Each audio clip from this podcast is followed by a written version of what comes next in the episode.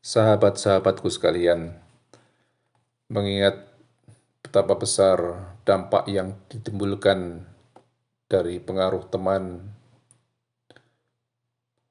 kita akan ingatkan dengan sebuah hadis yang diriwayatkan dari Musayyab bin Hazan radhiyallahu an. Ia berkata, ketika kematian Abu Talib sedang di ambang pintu, Rasulullah Shallallahu Alaihi Wasallam datang kepadanya dan ternyata di sana telah ada Abu Jahal bin Hisham dan Abdullah bin Abu Umayyah bin Al-Mughirah.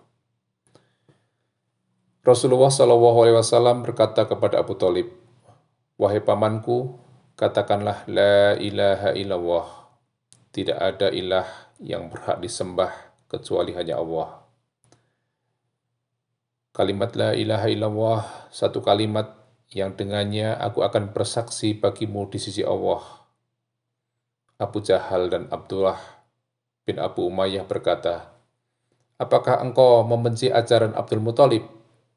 Maka Rasulullah Shallallahu Alaihi Wasallam senantiasa menyodorkan kalimat tersebut kepadanya, dan mereka berdua pun mengulangi perkataannya sehingga Abu Talib mengatakan apa yang mereka katakan dan dia berada dalam ajaran Abdul Muthalib. Abu Talib enggan mengucapkan la ilaha illallah. Lalu Rasulullah Shallallahu Alaihi Wasallam bersabda, demi Allah, aku akan memintakan ampunan bagimu sebelum aku dilarang. Maka kemudian Allah Subhanahu Wa Taala menurunkan ayat atas kejadian ini di mana tersebut di dalam surat At-Taubah ayat 113 A'udzu billahi minasyaitonir rajim. Maka nali nabiyyi walladzina amanu ayyastaghfiru lil musyrikina walau kanu uli kurba min ba'di ma tabayyana lahum annahum ashabul jahim. Tiadalah sepatutnya bagi nabi dan orang-orang yang beriman memintakan ampun kepada Allah bagi orang-orang musyrik, walaupun orang-orang musyrik itu adalah kaum kerabatnya. Sesudah jelas bagi mereka bahwasanya orang-orang musyrik itu adalah penghuni neraka jahanam. Sahabat-sahabatku sekalian, inilah salah satu contoh dampak yang bisa ditimbulkan jika salah bergaul, jika salah memilih teman. Maka apa yang terjadi pada Abu Talib, paman Rasulullah. Dia sangat mencintai Rasulullah Sallallahu Alaihi Wasallam. Dia mencintai kepunaannya, akan tetapi di akhir hayatnya, karena pengaruh dari teman-teman, karena perasaan tidak enak dengan teman-temannya, dengan sahabat-sahabatnya, maka justru di akhir hayatnya untuk mengucapkan la ilaha illallah untuk ditolong oleh Rasulullah pun tidak bisa.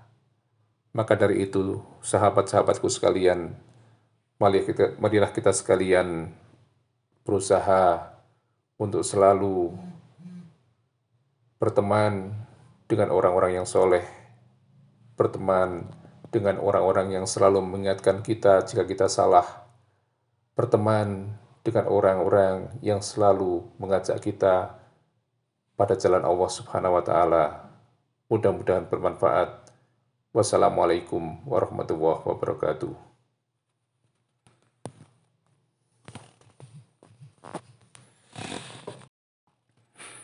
Bismillahirrahmanirrahim.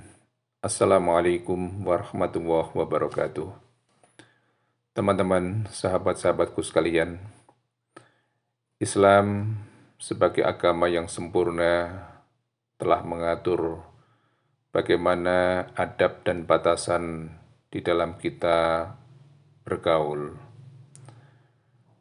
Pergaulan dengan teman-teman, dengan sahabat, baik itu teman yang jelek, sahabat yang jelek, atau sebaliknya teman dan sahabat yang baik, pasti akan memberikan dampak pada kehidupan kita. Banyak orang yang terjerumus ke dalam lubang maksiat dan kesesatan karena pengaruh teman bergaul yang jelek. Tapi sebaliknya juga tidak sedikit orang yang mendapatkan hidayah dan banyak kebaikan disebabkan bergaul dengan teman-teman yang soleh. Rasulullah Shallallahu Alaihi Wasallam telah menjelaskan tentang peran dan dampak seorang teman di dalam sabdanya yang artinya adalah permisalan teman yang baik dan teman yang buruk ibarat seorang penjual minyak wangi dan seorang pandai besi. Penjual minyak wangi mungkin akan memberimu minyak wangi, atau setidak-tidaknya jika engkau bisa membeli minyak wangi darinya, dan kalaupun tidak, engkau tetap mendapatkan bau harum darinya. Sedangkan pandai besi bisa jadi setidak-tidaknya mungkin percikan apinya mengenai pakaianmu.